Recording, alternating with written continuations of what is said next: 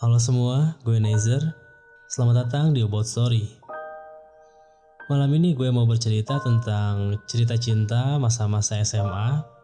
Mungkin buat kamu yang sekarang masih sekolah, terutama sekolah menengah atas atau SMA, bakalan relate banget sama cerita ini.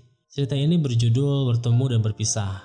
Dan gue rekomendasiin buat dengerin cerita ini menggunakan earphone agar kalian bisa lebih mendalami cerita ini. Oke, tanpa berlama-lama lagi, gue Nezer. Selamat mendengarkan.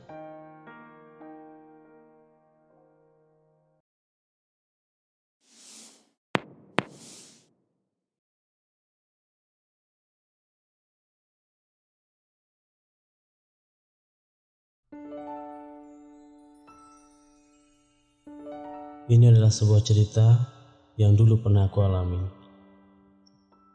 Saat di mana semua beban hidup tidaklah seberat ini. Aku putra. Untuk sebagian orang, masa-masa sekolah mungkin menjadi penggalan kenangan yang akan selalu teringat sampai kapan pun. Atau mungkin juga tidak menutup kemungkinan semua kenangan dan pengalaman itu akan kita ceritakan ke anak cucu kita nanti.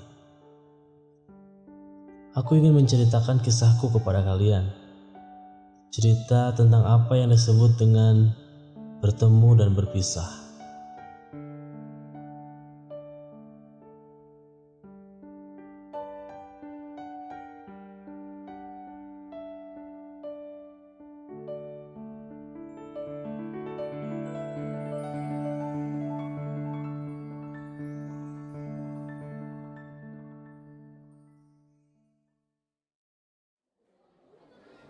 Aku masih ingat hari itu tanggal 25 Juli 2011. Di siang hari yang lumayan terik, aku dan teman-temanku sedang asik bermain bola basket di lapangan. Kami hanya bertiga saat itu. Karena jujur, aku tidak terlalu banyak teman dan juga aku tidak begitu populer. Oh guys, gue rehat dulu bentar ya.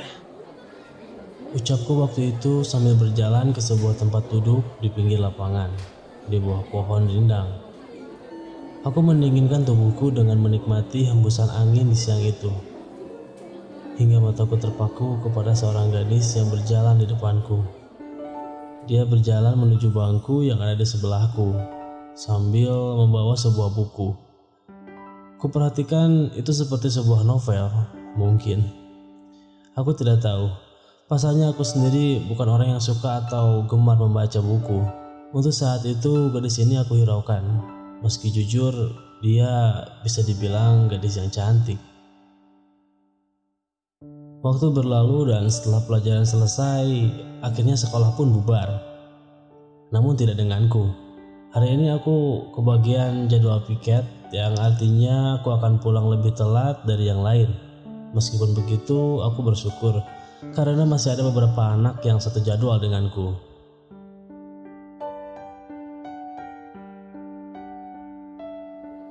Setelah semuanya selesai, aku pun bersiap untuk pulang. Aku berjalan menuju parkiran untuk mengambil sepeda motorku. Sesampainya di sana, terlihat di jalan motor siswa masihlah padat. Mungkin masih ada yang beraktivitas di sekolah. Aku berjalan menuju motor sampai aku melihat gadis yang tadi siang. Dia tengah mencoba mengeluarkan sepeda motornya yang terhalang oleh motor lain. Hei, uh, itu mau gue bantu nggak? Tanyaku. Ya, modus memang. Sebenarnya aku ingin dia notice dengan caraku membantunya. Setelah selesai aku mengeluarkan sepeda motornya, dia pun berterima kasih sambil tersenyum. Saat itu aku sangat senang karena secara kebetulan aku bisa bertemu dengan gadis ini. Oh iya by the way, gue Putra, anak IPA 2 sambil mengulurkan tangan berharap dia mau berkenalan denganku. Dan ternyata dia menjawab salam perkenalanku. Dia memberitahu namanya, Agnesti. Beberapa hari kemudian ketika pulang sekolah, tidak sengaja, aku melihat Agnesti. Dia berjalan di depanku bersama dengan temannya. Rasa ingin lebih mengenal dia meronta-ronta di hatiku namun perasaan ini kalah dengan nyaliku yang ciut saat melihat Agnesti. Aku mengikutinya dari belakang, Hati ini tidak tenang, penasaran bercampur malu. Namun aku memberanikan diri untuk menyapanya. Hmm, hei, baru keluar juga. Dia berbalik dan menjawab sapaanku. Akhirnya kami pun berbincang singkat di sana. Dia anak yang humble dan enak untuk jadi lawan bicara. Oh iya sih. Oh by the way, boleh nggak kita tukar nomor HP? Ini terlalu cepat pikirku saat itu.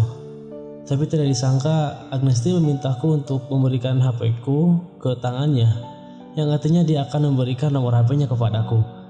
Aku sangat senang bercampur malu saat itu dan akhirnya nomor HP-nya ada di daftar kontak milikku dengan nama Nesti.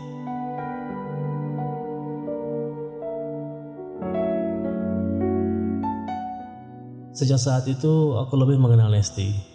Dia anak yang sedikit pendiam namun perhatian, juga sedikit manja.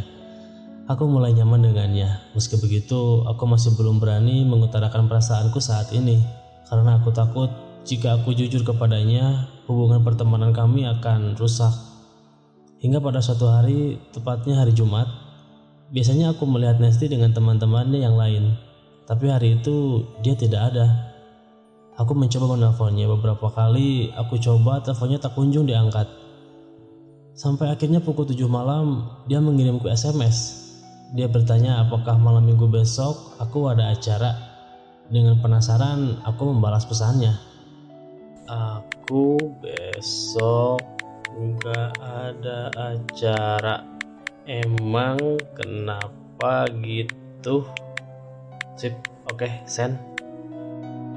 Tak lama dia pun membalas.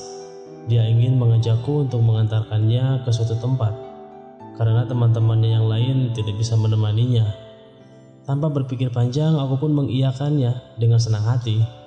Dalam hati, mungkin ini akan menjadi kencan pertamaku dengan Nesti, pikirku.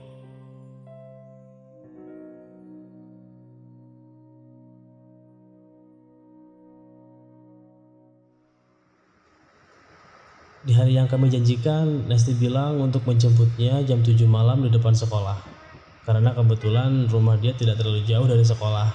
Dan juga malam itu jalanan terlihat ramai. Mungkin karena ini malam minggu, pikirku. Sesampainya di sana, aku melihat Nesti yang beda dari biasanya. Karena sehari-hari aku melihatnya dengan seragam sekolah, namun beda untuk malam ini. Dia menggunakan baju casual dengan rambut yang diponi. Jujur, malam itu Nesti terlihat sangat cantik. Jadi kita mau ke mana sekarang? Kamu mau aku antar ke mana? Tanyaku. Nesti hanya menjawab untuk mengantarkannya ke rumah sakit. Dalam hati aku bertanya, siapa yang akan dia jenguk. Lalu Nesti pun menaiki motorku, hatiku masih berdebar kegirangan. Di perjalanan kami tidak banyak berbicara. Aku pun merasa aneh, Nesti tidak seperti biasanya. Hingga tak lama kami pun sampai di rumah sakit. Aku memarkirkan motor dan kami pun berjalan masuk ke dalam rumah sakit itu. Aku hanya berjalan mengikuti Nesti, kuperhatikan raut wajahnya terlihat sedih. Wajar mungkin karena kita akan menjenguk orang yang sakit pikirku. Meski begitu, aku tidak tahu siapa yang akan dia jenguk malam itu. Nesti memintaku untuk menunggunya di sebuah tempat duduk di samping kamar yang akan dia masuki. Suasana malam itu tidak terlalu sepi. Ada beberapa orang yang mungkin mereka juga sama seperti Nesti. Ditambah lagi suster dan dokter yang tengah berlalu lalang melewatiku. Sampai tak lama aku mendengar seperti ada suara lelaki yang sepertinya marah. Mungkin lebih tepatnya membentak. Dalam hati aku penasaran apa yang terjadi di dalam sana. Saat ku beranjak dari tempat dudukku, tiba-tiba pintu kamar itu terbuka. Dan Nesti keluar dari ruangan itu sambil matanya berkaca-kaca. Aku cuma bisa bertanya, dia kenapa? Namun Nesti tak kunjung menjawab. Aku tidak bisa berbuat banyak saat itu. Yang bisa aku lakukan hanya menenangkan Nesti agar tidak menangis.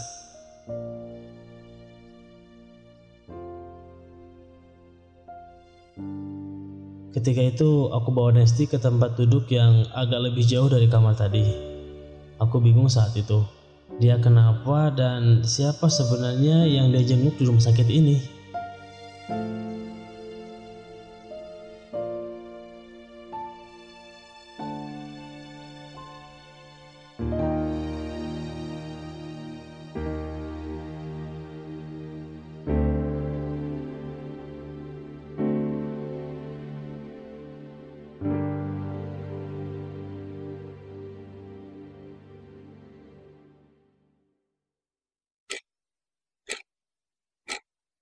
Setelah beberapa lama, Nesti mulai tenang.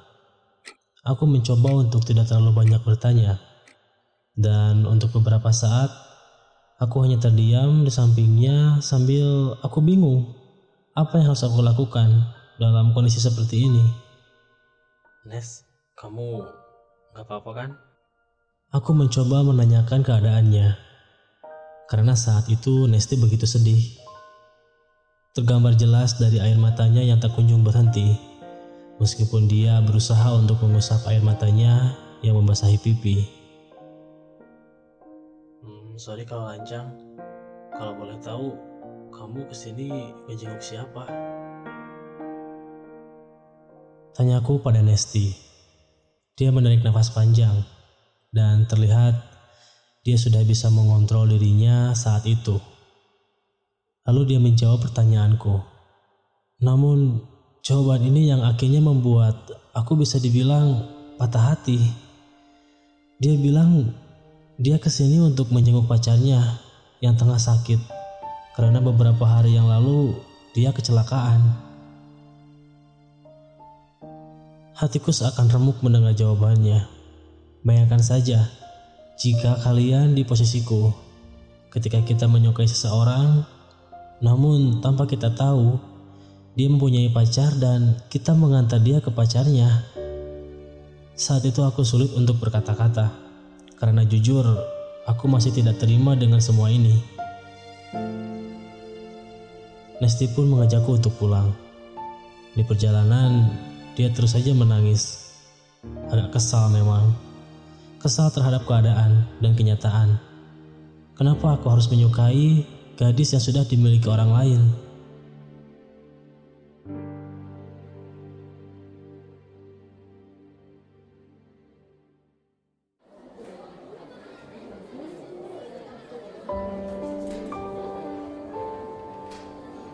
Beberapa minggu setelahnya, aku mencoba untuk menghindar dari Nesti.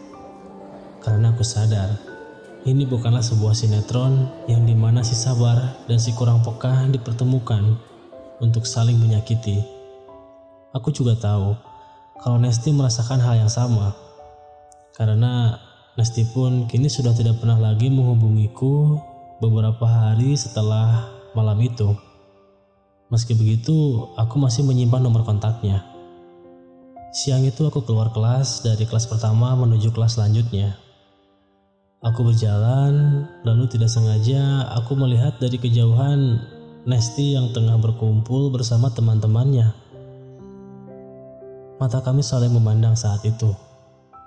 Tampak tergambar jelas raut wajah Nesti yang seperti berusaha menghiraukanku, dan begitu pun aku.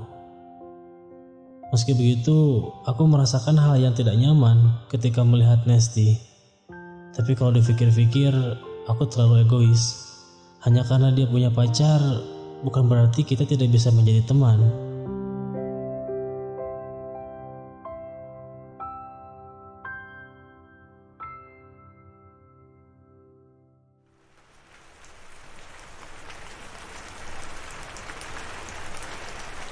Malam itu hujan turun. Aku sedang asik mendengarkan musik di kamarku sambil mengerjakan tugas. Dan lalu tiba-tiba ponselku berbunyi. Aku mencoba melihatnya dan saat kulihat itu adalah sebuah SMS dari Nesti. Katanya, apakah boleh dia meneleponku? Aku bingung harus balas apa. Pasalnya sudah beberapa lama kita tidak komunikasi dan tiba-tiba malam ini dia ingin menghubungiku. Namun belum sempat aku membalas, Nasti menelponku. Jujur aku agak canggung untuk mengangkatnya. Ha, halo Nes, ya ada apa? Tanyaku sambil gugup. Mendengar itu, Nesti tidak berkata apa-apa. Aku tahu dia mendengar suaraku namun dia diam saja. Sesekali aku memanggil namanya karena dia tak kunjung menjawab. Akhirnya aku pun ikut terdiam dengan ponsel yang masih tersambung. Tak lama, Nesti pun bertanya. Kenapa? Kok malah ikutan diam? Ya, kamu juga aku panggil-panggil nggak jawab sih? Putra, Iya, kenapa? aku aku cuma mau minta maaf soal waktu itu. Aku nggak hargain perasaan kamu. Putra, jawab atuh ih. Maafin ya. Aku sih yang harusnya minta maaf. Tiba-tiba menghindar dari kamu. Tapi jujur aku nggak enak sama pacar kamu. Iya, kan aku udah bilang. Dia itu udah bukan siapa-siapanya aku lagi. Aku cuma ngerasa bersalah aja kemarin. Karena mantan aku celaka juga gara-gara aku. Tapi udah, aku udah gak mau lagi ngebahas itu. Malam itu kami mengobrol kembali, meskipun dalam hati ada perasaan yang tidak nyaman karena rasa kecewa yang kurasakan sejak saat itu. Meski kami sudah anggaplah berbaikan, namun kondisi tidak bisa berubah secepat itu. Di sekolah aku masih sangat malu untuk menemui Nesti. Walaupun dalam beberapa kesempatan aku berpapasan dan bertemu dia secara langsung. Dan di momen itu aku melihat sikap Nesti ketika bertemu denganku.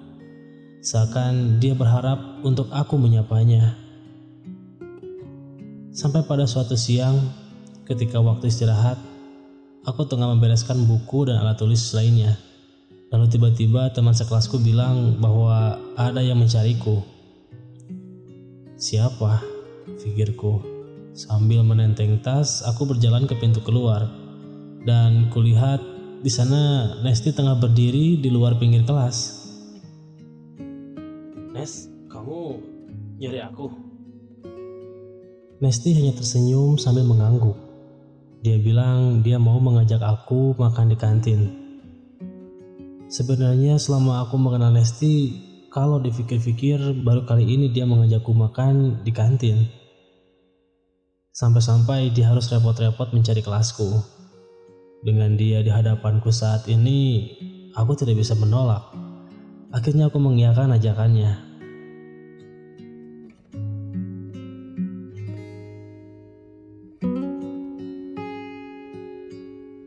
Sesampainya di kantin, aku mencarikan tempat duduk untuk kami. Syukurlah, masih ada yang kosong dengan kondisi kantin yang sangat ramai saat itu. Kamu tunggu di sini aja. Aku pesenin makanannya ya. Kamu mau pesan apa? Hmm, aku samain aja deh sama kamu. Aku pergi memesankan makanan untuk kami berdua. Kulihat dari kejauhan, Nesti tengah memainkan ponselnya sambil sesekali melihat ke arahku. Ini minumnya dan ini makanannya. Makasih ya. Oh iya Nes, dengar-dengar kamu pindahan ya? Iya, aku ke Bandung itu setahun yang lalu lah. Itu juga gara-gara kerjaan ortu sih. Emang kamu asalnya dari mana? Aku sih lahir di Jakarta. SMP aku di sana. Dan ya sekarang di sini SMA-nya. Emang kenapa? Kok tiba-tiba nanya gitu? Hmm, enggak. Aku aku cuma mau kenal kamu lebih dekat aja. Kami mengobrol banyak saat di kantin, dan aku senang. Akhirnya Nesti bisa tersenyum kembali, dan kami bisa ngobrol lagi.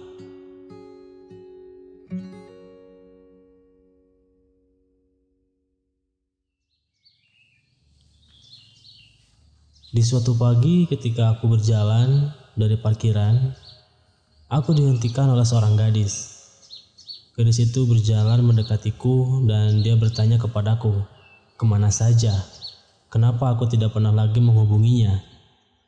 Di situ aku hanya diam dan tidak menggubris pertanyaan gadis itu sambil berjalan melewatinya. Ketika aku sampai di depan kelas, aku tidak langsung masuk. Terlihat ada beberapa dari temanku yang masih diam di luar. Aku pun ikut berkumpul bersama mereka, sembari ikut mengobrol sampai tak lama tiba-tiba ada pesan masuk dari Nesti. Isi pesan itu ialah Nesti menanyakan apa nanti sepulang sekolah aku tidak ada acara. Aku pun membalasnya kalau tidak ada acara apa pun sepulang sekolah nanti. Ternyata Nesti mengajakku untuk menemaninya ke warnet yang ada di dekat sekolah ini untuk mengerjakan tugas katanya. Lantas aku mengiyakan ajakan Nesti dan janjian untuk bertemu di depan sekolah.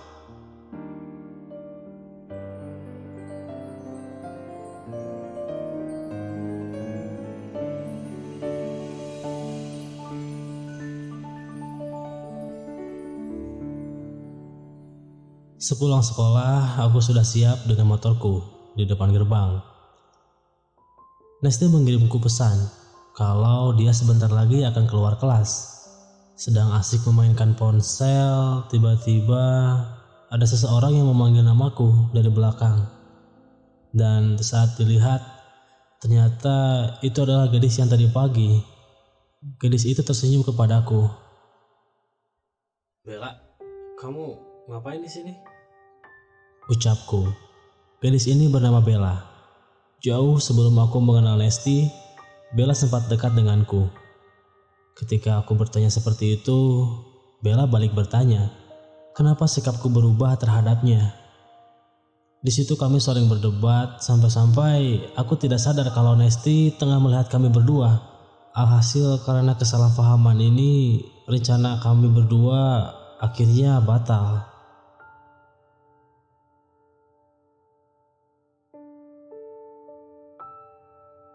Keesokan harinya saat pulang sekolah, aku menunggu Nesti di koridor.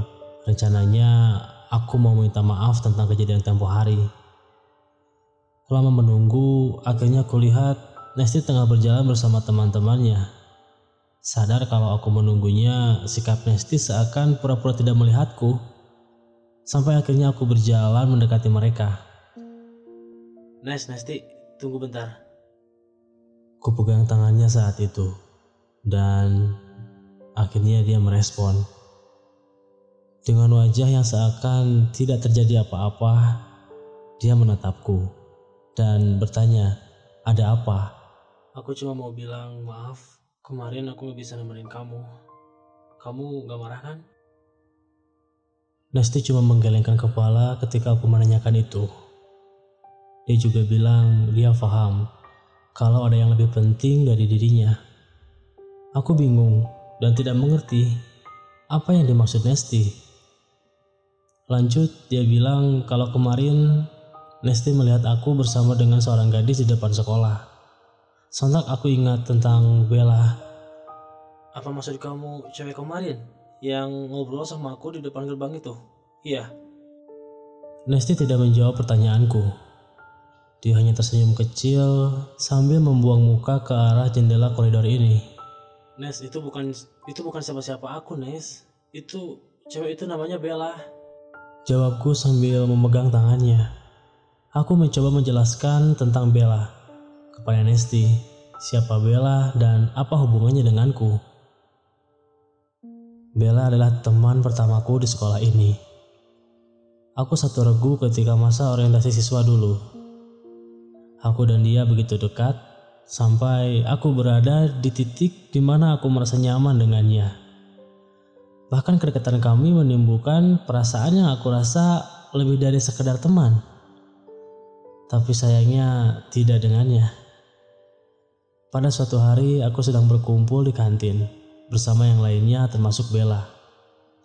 Ada dari temanku yang menanyakan tentang hubungan kami karena mereka perhatikan Kedekatan kami sudah tidak bisa dibilang hanya berteman. Aku hanya tersenyum mendengar pertanyaan temanku itu. Dan Bella menjawab, Menurut Bella, aku dan dia hanya teman biasa, tidak lebih. Karena apa yang Bella lakukan kepada aku, dia juga melakukannya ke teman laki-lakinya yang lain. Di situ aku agak kecewa. Dan sejak saat itu, aku sudah tidak berhubungan lagi dengannya. Dan bahkan beberapa hari setelah itu pun Bella tidak ada mencari atau menanyaiku. Aku menyimpulkan bahwa aku bukanlah orang yang spesial untuknya. Egois memang, karena aku memaksakan perasaanku atau lebih tepatnya aku yang terlalu berharap. Jujur sejak pertama kenal sama kamu, percaya atau enggak, aku ngerasa nyaman banget sama kamu. Makanya aku gak mau karena salah paham hubungan kita malah jadi kacau. Hanya karena orang yang gak penting. Nesti, aku sayang sama kamu.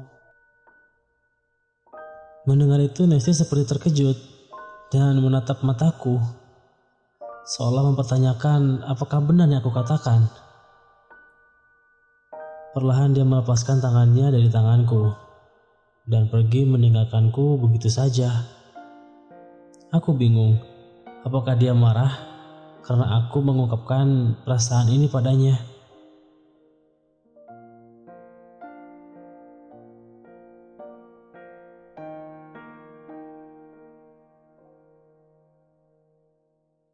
Setelah itu, ketika malam hari, aku masih memikirkan kenapa sikap Nesti seperti itu. Perasaanku bingung. Ingin sekali aku menghubunginya, namun Aku takut dia malah tambah marah. Sampai akhirnya aku menekatkan diri dan mencoba untuk menelponnya. Halo, Nes. Kamu lagi apa? Syukurlah, Nesti masih mau mengangkat teleponku dan menjawab pertanyaanku.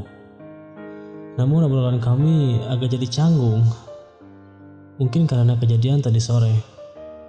Aku mencoba memberanikan diri untuk bertanya mengenai jawaban tentang perasaanku padanya. Untuk beberapa saat dia terdiam dan tak lama dia pun bilang kalau dia juga merasakan hal yang sama. Hanya saja dia malu jika harus menjawabnya di depanku secara langsung. Sebenarnya Nesti sempat ragu dengan perasaannya terhadapku karena kejadian waktu itu di rumah sakit. Dan juga dia tidak mau jika karena perasaannya padaku itu akan berarti negatif. Secara dia dan pacarnya baru putus waktu itu. Dia takut saat dia mengungkapkan perasaannya kepadaku, aku berpikir bahwa dia hanya mencari pelarian. Mendengar itu aku sangat senang karena ternyata perasaanku tidak bertepuk sebelah tangan.